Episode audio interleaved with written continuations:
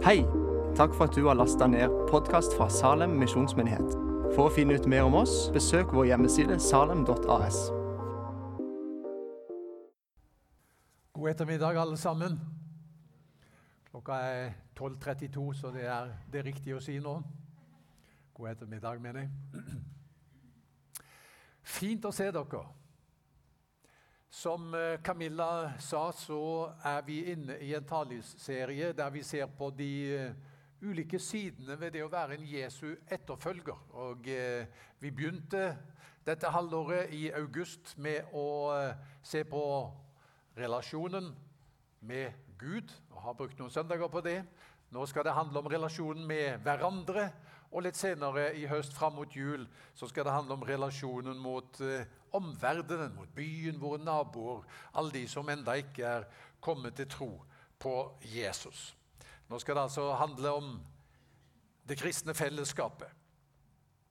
Jeg har lyst til å be en kort bønn før vi går i gang. Herre, vi takker deg for at vi får samles til gudstjeneste. Takk at vi får eh, være under en åpen himmel Takk at vi får leve livet vårt under ditt smil, for du er en forsonet Gud. Takk for det du gjorde for oss, Jesus, ved din døde oppstandelse, som åpnet vei for oss til dette livet.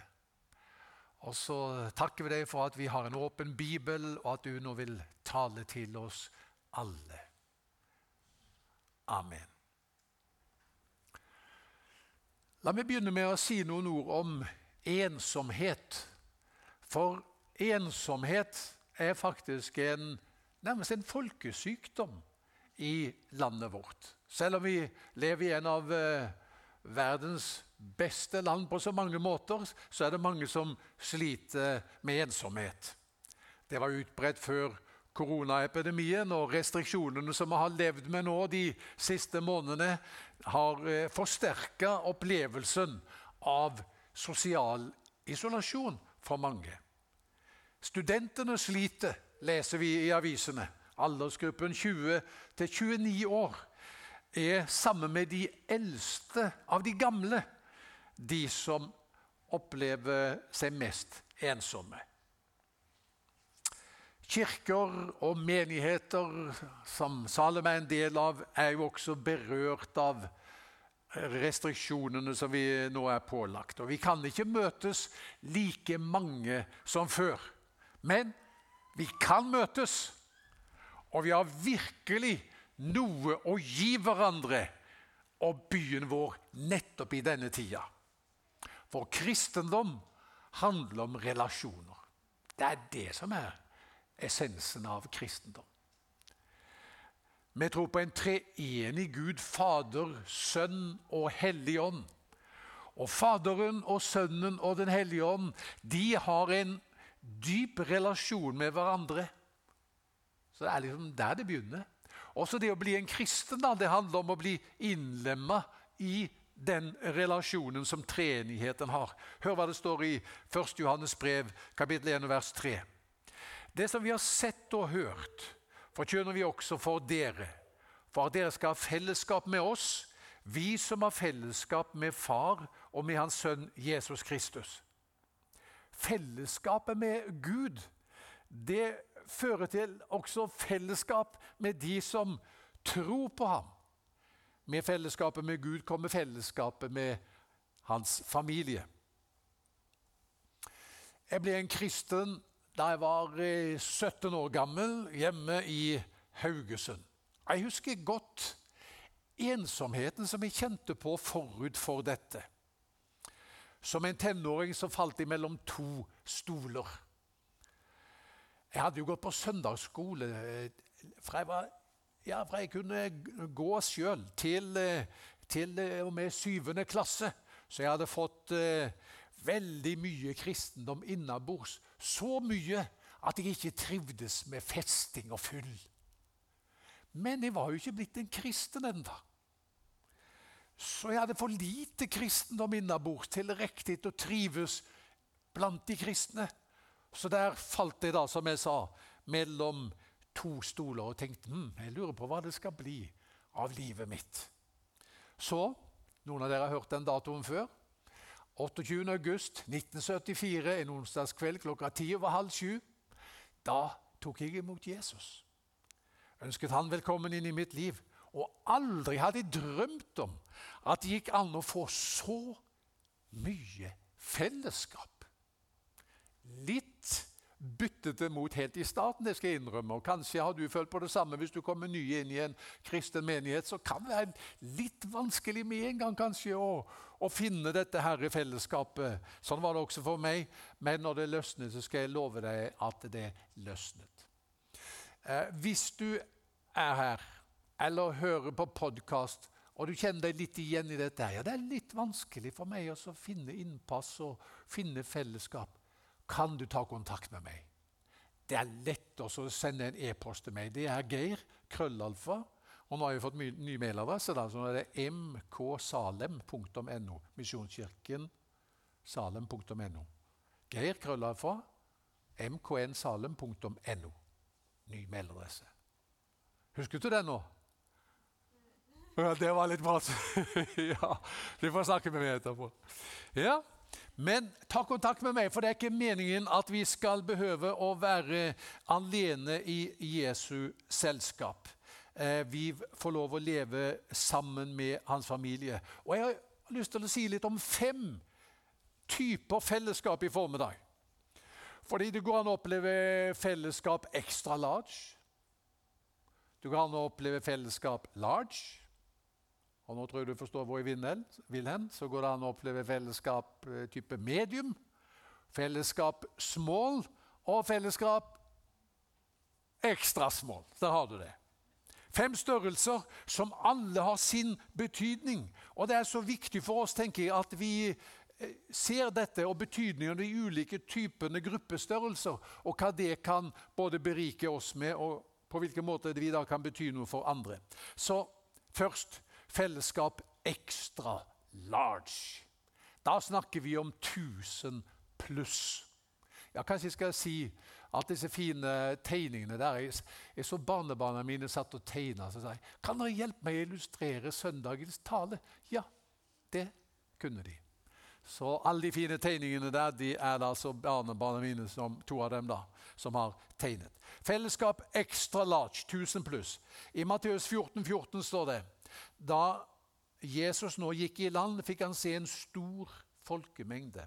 Han fikk inderlig medfølelse med dem og helbredet de syke blant dem.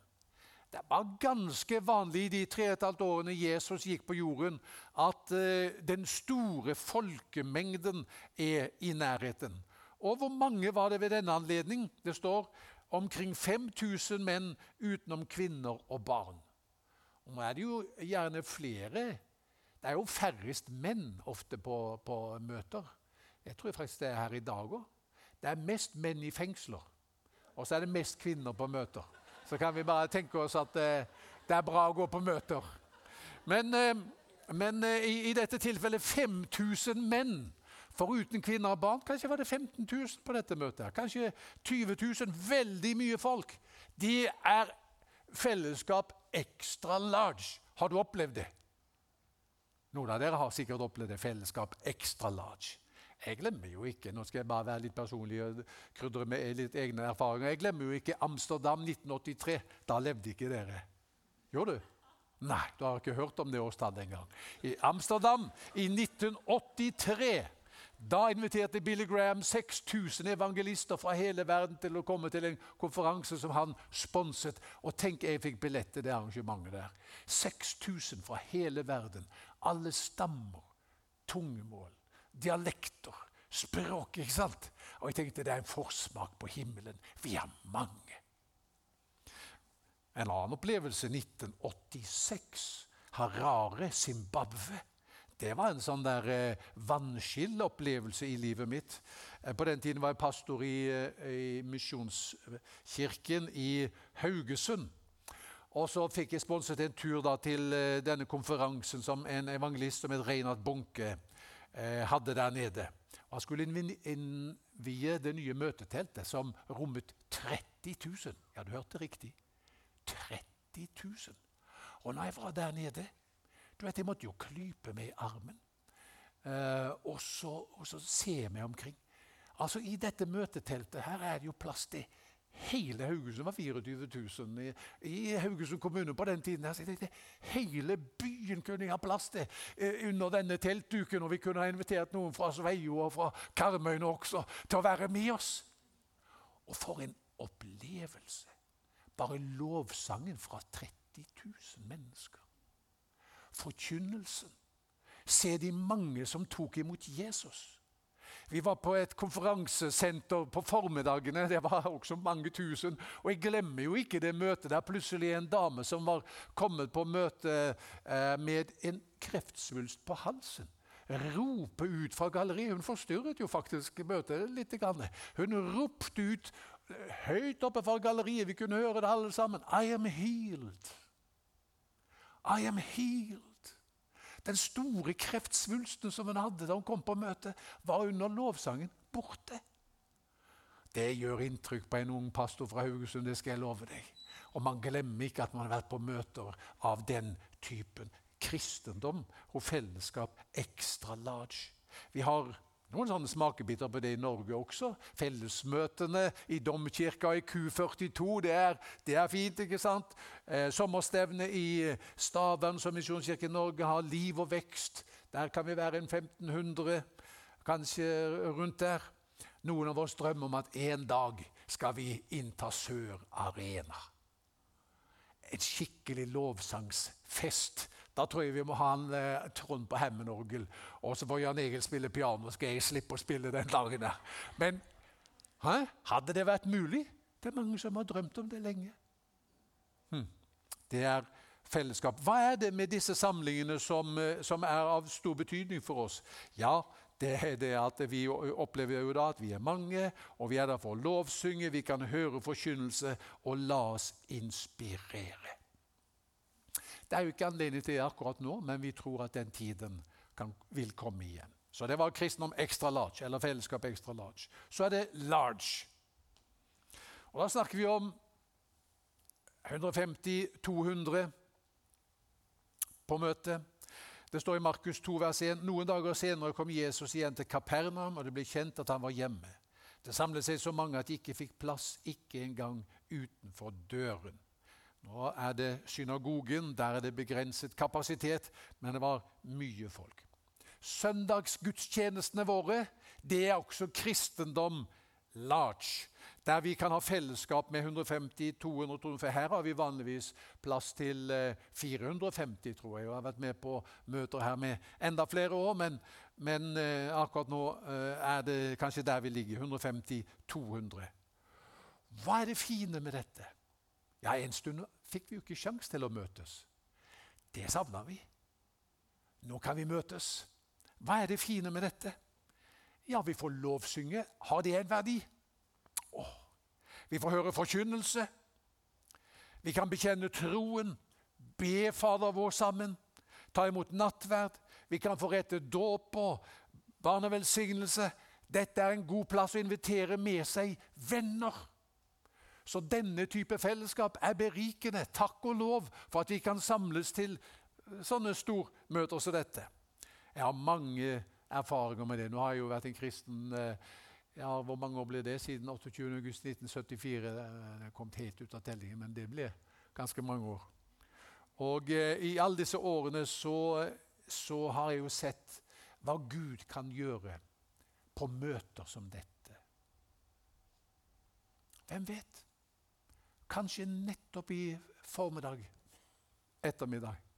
Når vi er samlet, så er det noen som skal få en berøring av ham. Jeg glemmer ikke et møte som jeg hadde. Sånn som dette. Det var ikke mer folk. Jeg talte om den kvinnen som eh, i Bibelen som det står om. Hun hadde blødninger i tolv år. Og, og, Hun hadde gått til leger eh, en masse. Ingen kunne hjelpe henne. Hun hadde brukt alt hun eide. Hun var ikke blitt bedre, heller verre. Og eh, så tenker hun med seg selv og hører Jesus i nærheten. Nå skal jeg gjøre noe ikke jeg har lov til. Jeg går ut. Og så sier hun til seg selv Hvis jeg bare får røre ved kanten av kappen hans, så skal jeg bli helbredet. Og så gjør hun det.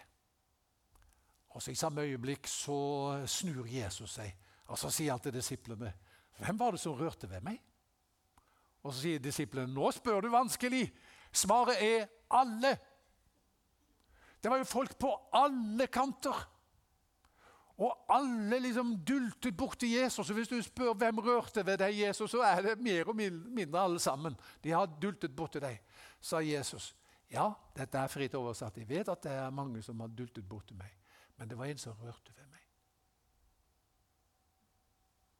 Og Du kan ikke være på et kristent møte uten å dunke borti Jesus. Vi gjør det jo hele tiden. Vi synger om ham. Da dunker vi borti ham. Vi ber til ham. Da dunker vi borti ham. Vi hører forkynnelse. Vi er med på barnedåp. Vi dunker borti Jesus hele tiden. Men, sa jeg den gangen Det er noen år siden nå.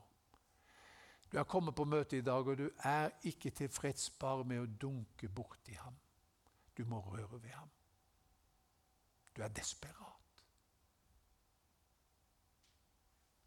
Jeg visste ikke at den dagen var det en kvinne som hjemme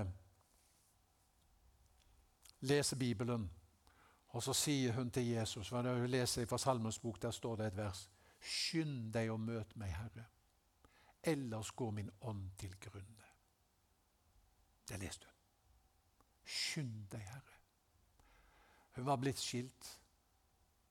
Og hun hadde vært så glad og sprudlende hele livet. Nå var hun blitt stille. Hun satt bakerst. Livet hadde visnet. Skynd deg å møte meg, Herre. Så jeg talte den dagen der om denne kvinnen som hadde vært syk så lenge, og sier du er ikke fornøyd bare med å dunke borti ham, du må få røre ved ham. Og hvis du har det sånn, så kom. Skal vi be for deg?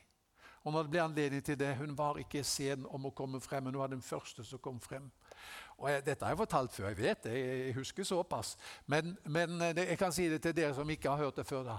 For av og til kan man få et kunnskapsord. Eller hva skal jeg si, en slags profetisk inspirasjon. Iallfall liksom en tanke som Oi, det bare, det må jeg si. Og da hun står der, så sier jeg til henne Du heter Så kan vi kalle henne um, Berit, kanskje. Du heter Berit. Og man tenker om deg Du er Berit den som det er så synd på. Du er Berit den som livet har gått i stykker for. Du er Berit den som har opplevd et så stort tap. Men, sier Jesus til deg i formiddag, du skal få et nytt navn. Du skal ikke lenger hete Berit, den som det er så synd på. Du skal hete Berit, den som er så høyt elsket. Du skal hete Berit, den som er så rikt benådet. Du skal hete Berit, den som har fått en ny start. Berit, den som er fullt av Den hellige ånd. Det ble altfor mye for denne spede damen. Og hun segnet sammen på gulvet. Faktisk talt. Oi! Går det bra? Hun sa ikke noe. Er det bra med deg? Det var stille. Hallo? Da hun reiste seg igjen, het ikke hun Berit, den som det var så synd på. Men er det Berit, den som er så høyt velsignet. Gud møtte henne og løste henne ifra det som hadde knuget henne så lenge. Kan han gjøre det samme i dag? Han kan gjøre det samme i dag. Da handler det om for deg og meg at ikke vi bare dunker borti han er fornøyd, men bare dulter borti ham. Men vi sier, jeg må røre ved kanten av kappen din, Jesus. Jeg må få røre ved deg. Jeg trenger din kraft. Kan det skje på møter sånn som dette? Det er en veldig god arena for å erfare at Jesus kan gjøre livet nytt. Den tredje type eh, fellesskap, det er jo type medium. Da snakker vi om størrelsen 50 70. Også de, den gruppestørrelsen finner vi i Jesu tjeneste. Hør på dette, Lukas 10, vers 1. Siden utpekte Herren 72 andre, og han sendte dem ut foran seg to og to, til hver by og hvert sted som han selv skulle besøke. Og Han sa til dem, høsten er stor, men arbeiderne få. Be derfor høstens herre sende ut arbeidere for å høste inn grøden hans. 72 var de. Vet du da at De fleste menighetene i Misjonskirken Norge er ikke større. Når de kommer sammen til gudstjeneste, er det 50, 60, 70. Så Salem er en stor menighet i Misjonskirken Norge. Men 60-70 er en veldig fin størrelse. skjønner du. Så noen har nesten ikke lyst til å bli flere. Fordi det, det fine med å være 60-70, eh, det er at eh, alle kjenner hverandre. Med navn. Og blir noen borte, så blir det lagt merke til. Og det er en egen omsorg og kjærlighet knyttet til dette her, at man vet om hverandre. F.eks. en dame som sa 'Jeg går i kirken hver søndag'. Gjør du? Hvorfor det, da? Jo, for ved utgangsdøra der står presten. Og så tar han meg i hånda, og så sier han navnet mitt. Det er noe vakkert med det. Det er noen som vet hva jeg heter. Så det å tilhøre et fellesskap av den typen størrelse det er verdifullt fordi at eh, vi kjenner en eh, familiefølelse som det store fellesskapet ikke har forutsetning for å skape. Vi har det i Salem òg, den type gruppestørrelse. Marit eh, Hagane hun leder jo formiddag i Salem. Det er en flott samling. Hvor mange er man der? Er det kanskje 60-70, noe sånt som det? Der tror jeg de fleste kjenner hverandre på navn, gitt. Det er flott. Og så har vi fått et gospelkor her i Salem. Har vi ikke det, da, Geir Åge og Anette? Vi har fått et gospelkor. Dere er ikke liksom 60-70 enda, men i ferd med å bli det. Men nå er dere sånn 30-40. Det er veldig fint å tilhøre en sånn gruppe. Det går også an å oppleve denne gruppestørrelsen på en annen måte. og Det er ved at småfellesskap som vi snart skal komme til, slår seg sammen. Et småfellesskap består jo av en 10-12 stykker, men hvis flere småfellesskap, småfellesskap slår seg sammen, så blir man fort 50-60 stykker. Og da kan man gjøre det som vi leser om her i Lukas 10. Herren sendte ut 72 andre til hver by og hvert sted han selv skulle besøke. Tenk om vi skulle si vi er glad i bydelen vår. Vi er virkelig glad i Lund. Vi vil bli kjent med gatene her, menneskene som bor her. Skal småfellesskapene slå seg sammen, en, en del av dem? Og så skal vi ha en slags godhetsaksjon, en diakonal aksjon på Lund. Vi vet ikke helt hvordan det ser ut ennå, men på en eller annen måte gitt uttrykk for at vi bryr oss om bydelen og vil menneskene som bor her, vel. Det er noe med denne gruppestørrelsen som heter følgende, jeg sier det på engelsk, det er litt mer schwung. Small enough to care, big enough to dare. Vi er små nok enda når vi er 50-60 til å bry oss om hverandre og vet om hverandre.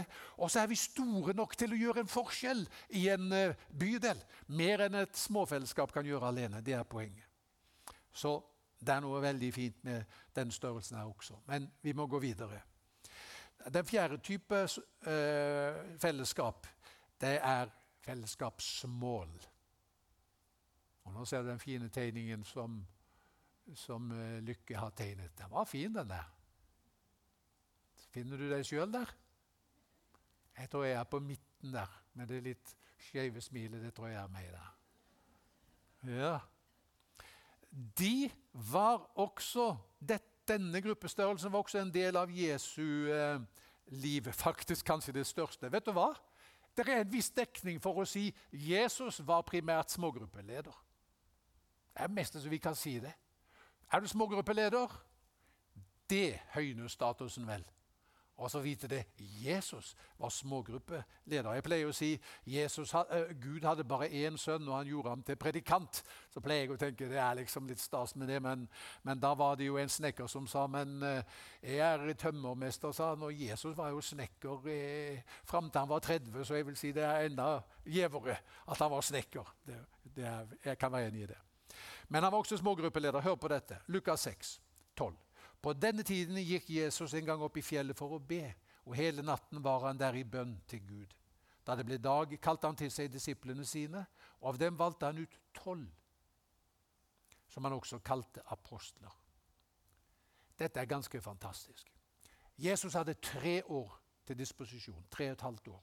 Han begynte sin tjeneste 30 år, avsluttet tjenesten 33 15 år. Hvis du visste jeg har tre og et halvt år på meg til å nå denne verden, hvordan gjør man det? Jeg tror jeg hadde satset på masse møter. Samle mest mulig folk på kortest mulig tid. Masse mønstring av folk overalt. Ja, vi har sett at folkemengden de er liksom der i kulissene hele tiden, og Jesus taler til dem. Men de han satset på, det var tolv. Og de investerte han i. Alt det han hadde å, å gi til menneskene, det ga han til denne lille gruppen på tolv. Det må fortelle noe om betydningen av småfellesskap. Og I denne tida som vi lever i, så har jeg lyst til å oppmuntre deg til det. Hvis du ikke er med i et småfellesskap, så ta kontakt med meg igjen på den mailadressen som jeg nevnte nettopp. Og så skal, eller med på Harald Meberg, som sitter der nede, May-Lisbeth og Kristian og Katrine. Vi er faktisk mange som du kan skrive til. Uh, og så skal vi lose det inn i et småfellesskap. Hør på hvilken gave Gud har gitt oss gjennom uh, fellesskap type small. Da kommer vi sammen, åtte til tolv stykker. Vi spiser sammen. Det er verdifullt.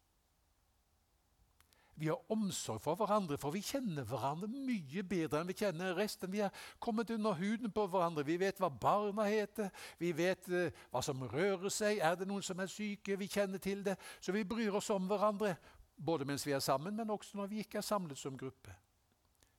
Vi hjelper hverandre til å vokse. Det å bli en kristen, det å bli for det første, Du blir jo rettferdiggjort. I samme øyeblikk som du tror på Jesus, så avsier Gud følgende kjennelse over livet ditt frifunnet. Altså rettferdiggjort. Samme øyeblikk. Tro på Jesus, frifunnet. Og Når du da er blitt rettferdiggjort, så blir du samtidig opptatt i rettferdighetens skole, der det handler om å bli stadig mer lik Jesus. Og hvordan lærer man det? Lærer man det her, i denne settingen som vi er nå?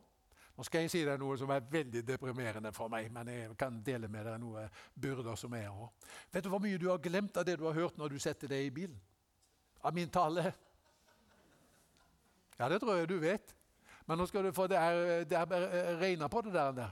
Når du setter deg i bilen etter å ha hørt Geir Johannessen tale i Salem, så har du allerede glemt 55% Men det er bare begynnelsen, for etter to dager så har du glemt 70 og Hvis jeg møter deg noen uker senere, og du sier til meg jeg vet ikke hva du kan finne på å si, men hvis du spør om talen og et eller annet Ja, likte du det? Ja, sier du.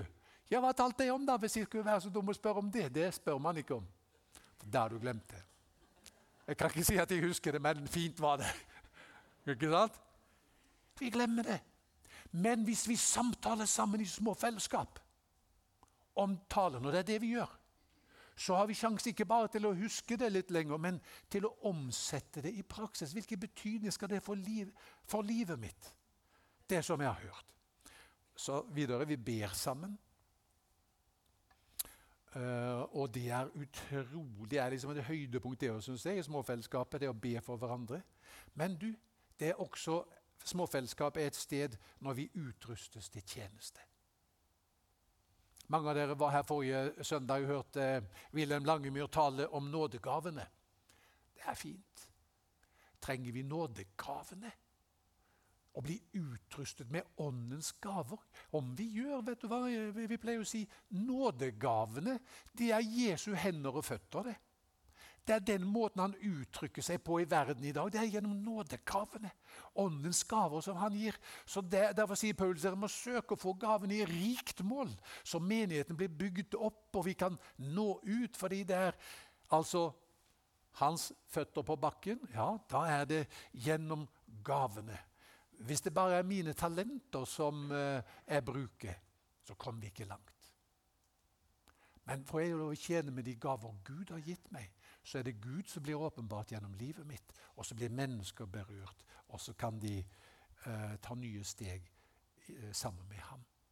Så dette er eh, også noe som er veldig viktig. Og Noe som vi snakker om når småfellesskaplederne er samlet, det er at jeg tenker om, om småfellesskapene også i enda større grad enn det er i dag har et utadrettet fokus. Et tjenestefokus skal jeg si deg noe som betydde mye for meg. Jeg hadde blitt en kristen. Husker du det nå når det var? 28. august i 1974, onsdagskveld klokka ti over halv sju. Jeg gikk på møte i Haugesund misjonskirke. Jeg hadde vært der noen få ganger før. Jeg var veldig spent på hvordan det var å gå på møter når man var blitt et Guds barn. Det var fint, kan jeg godt huske. Ja, jeg gråt meg gjennom hele møtet. Tenk, altså. Jeg er Guds barn, og jeg tilhører dette fellesskapet. Så var det sånn at det, det var et bønnerom ved siden av møtesalen. Jeg hadde kanskje gått da på møter der maks en måned, hvis jeg hadde gått så lenge. Så er jeg inne på bønnerommet alene. Så kommer det en mann inn til meg som jeg bare knapt hadde sett. Ser han på meg, og så rekker han ut en, en finger mot meg og så sier han, 'Du, sa du skal være med meg i evangelietime.' Ja vel, tenkte jeg. Han så såpass myndig ut at jeg tenkte det er greit. Jeg skal være med deg i evangelietime. Så så han på meg en gang til. Men først må du klippe deg. For jeg hadde langt hår. Det er dumt jeg ikke tok med et bilde. Jeg hadde hår langt ned på skuldrene. Har du hatt så langt hår? Eh, ja, noen av dere har hatt det. Vi levde på den tiden da gutta hadde langt hår. Måtte klippe meg. Så ble vi evangelietime sammen med Tore og Olaug og Einar og Marit og Kjell Einar og Wenche og Aud. Evangelietime. Skal du høre? Vi dro omkring. Haugesund var én ting. Så var det bygdene rundt omkring. Sveio, Auklandshamn, Vats, jeg husker ikke hva det het alle stedene. Vi var, hadde møter på bedehus og på, og på, sånne, på andre eh, lokaler. Og det som var greia, det var det at mens vi var, så vi var involvert i misjonsoppdraget, og mens vi var involvert i misjonsoppdraget, så hadde vi fellesskap. Vi ba sammen, vi fikk undervisning, delte nattverd. Men alt sammen var liksom spisset inn på dette. Vi visste hvorfor vi var her. Vi var et småfellesskap som var til for å vinne mennesker for Jesus. Og liksom Det var det styrende. Og mens vi holdt på med det, så hadde vi alt det andre som et småfellesskap tilhører. Og jeg tenker at eh, Det hadde vært veldig veldig spennende om vi fikk se at flere av småfellesskapene våre også kunne anta den formen der. Dette får du bare be om å snakke sammen med lederen din eller de andre i fellesskapet om. Men det vil ha stor betydning. Til slutt fellesskap ekstrasmål. Også, de, eh, også det var eh, eh, tydelig i Jesu liv. I disippelflokken på tolv hadde Jesus en indre kjerne på tre. I Matteus 17,1 står det seks dager senere tok Jesus med seg Peter, Jakob og hans bror Johannes og førte dem opp på et høyt fjell hvor de var alene. For en gave også det er. Fellesskap ekstra smål. Noen har sagt det kan være tøft å være menneske. Det er ikke for amatører. Det er mange ting vi møter på. Det er tungt å bære det alene. Den som hadde en liten gruppe, to, maks tre, der jeg kunne virkelig være åpen med livet mitt, dele sorger og gleder, invitere dem inn i livet mitt også til å stille meg kanskje nærgående spørsmål. Hvordan går det med deg? Hvordan har du det med Gud? Er det et eller annet du strever med? Altså fellesskap uten de filtrene som nødvendigvis må være i større sammenheng. Når jeg ser tilbake på de årene jeg har vært en kristen, må jeg si det har betydd enormt mye for meg. Det der lille fellesskapet. En som i mange år hadde mye med å gjøre, han er Halvard Hasseløy. Han kjenner noen av dere. Han ledet meg jo til tro på Jesus den gangen i Haugesund. Og Vi hadde, har hatt det der tette fellesskapet. En annen heter Håkon Fagervik. En tredje heter Håkon Ramsøy. Jeg ser han faktisk her borte i dag. Godt å se deg, Håkon. Og, det fell, og Bente, min beste medvandrer gjennom alle disse årene, og også nå når hun er blitt pensjonist og har gått av med AFP, som betyr alt for pastoren, betyr det. Visste dere det? Dere som er venner eh, til Silje. AFP, alt for pastoren. Det er vakkert. Så vi har jo dette her veldig nære og tette fellesskapet der vi, der vi åpner oss for hverandre. Trenger vi det? Vet du hva som skjedde en gang? Jeg skal avslutte med det, ser tiden er gått. Eh, en gang Steinar Vinje og meg vi hadde et sånt der fellesskap. Var, og, og, det har vi fortsatt. Vi, vi, vi lengtet sånn etter vekkelse i Haugesund.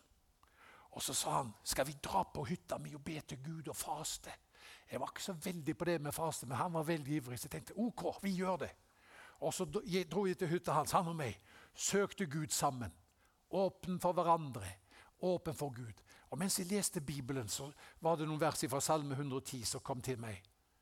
Se, din ungdom kommer til deg som dugg ut av morgenrødens skjød. Ditt folk møter villig fram den dagen du mønstrer din hær. Så jeg på Steinar, så sa jeg, Steinar, gode venn. Jeg føler at disse ordene liksom er adressert til oss.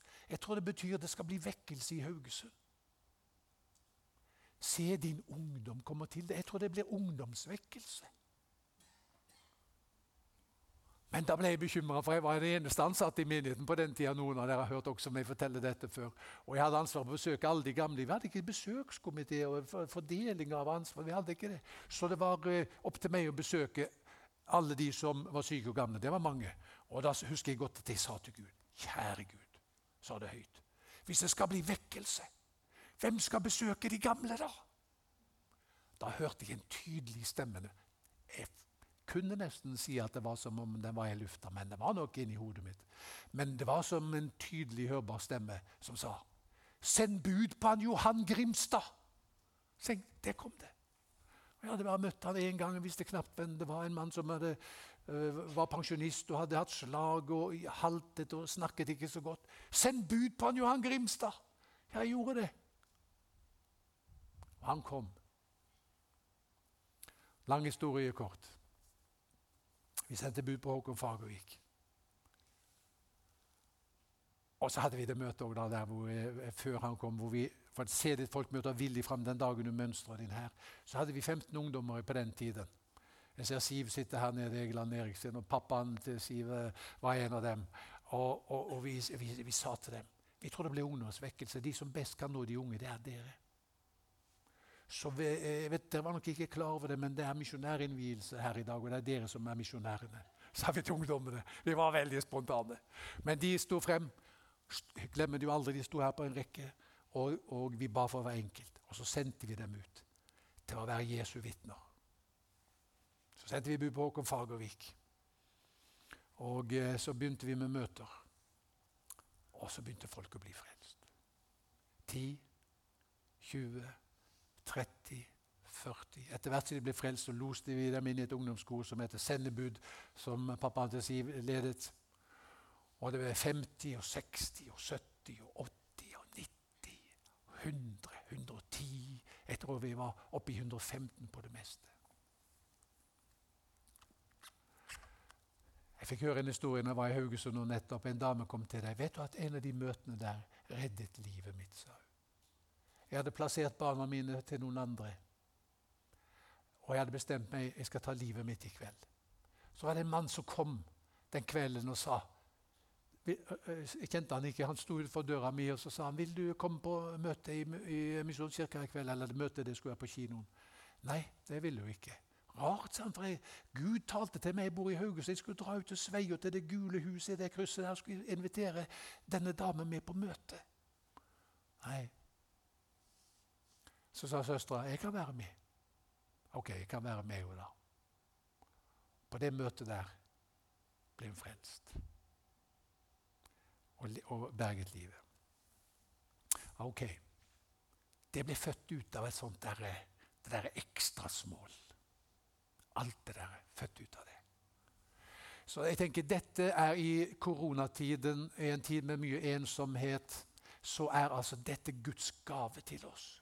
Det er fellesskap i mange dimensjoner. Kanskje ikke extra large, men i alle fall large og medium og small og extra small. Og så er han her også. Nå skal vi be. For det er noen som sikkert også i dag kjenner på det. Dere som er lovsangere, kan komme frem. Det er noen som er her i dag, som sikkert kjenner på det. Ja, det er et privilegium å være her i dag. Og livet er ikke så lett. Jeg har dunket borti Jesus, men jeg lengter etter å røre ved ham. Jeg lengter etter å bli et Guds barn, få fred med Gud. Eller den knuten som er inni livet mitt, at den kan, denne gordiske knuten, at den kan løsne. Da har jeg bare lyst til å si til deg, hvis du har det sånn at Jesus er her Han kan gjøre for deg det som ingen andre kan. Hvordan pleier vi å gjøre det? Vi pleier å gjøre det sånn at etter møtet så er du invitert bak der, eh, det kapellet som vi har.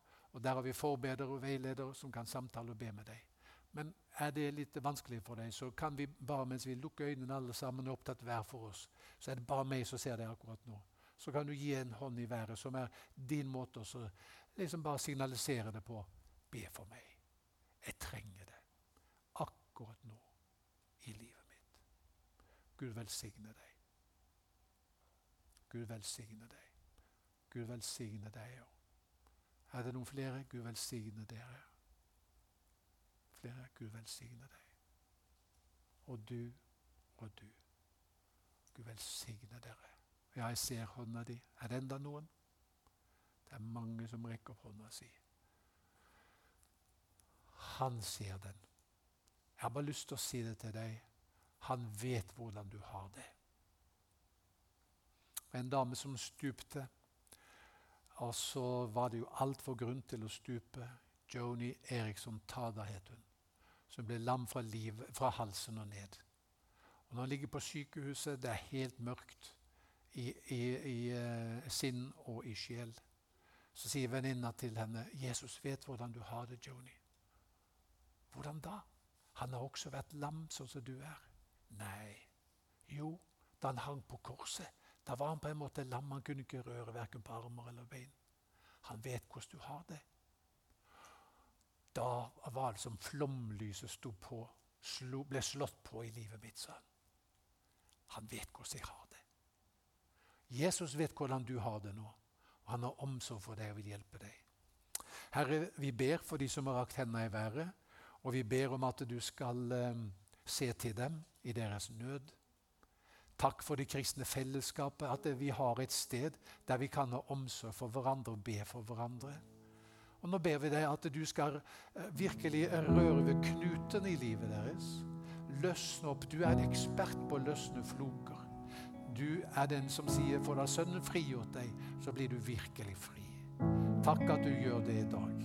Takk at du rører ved dem. Og la de gå fra Salem med lette skritt uten den byrde de bar på da de kom hit. Se til de som er syke og trenger legedom. Røre dem, Herre, det er vår bønn. Amen. Så er du velkommen til samtaleformen der bak etterpå.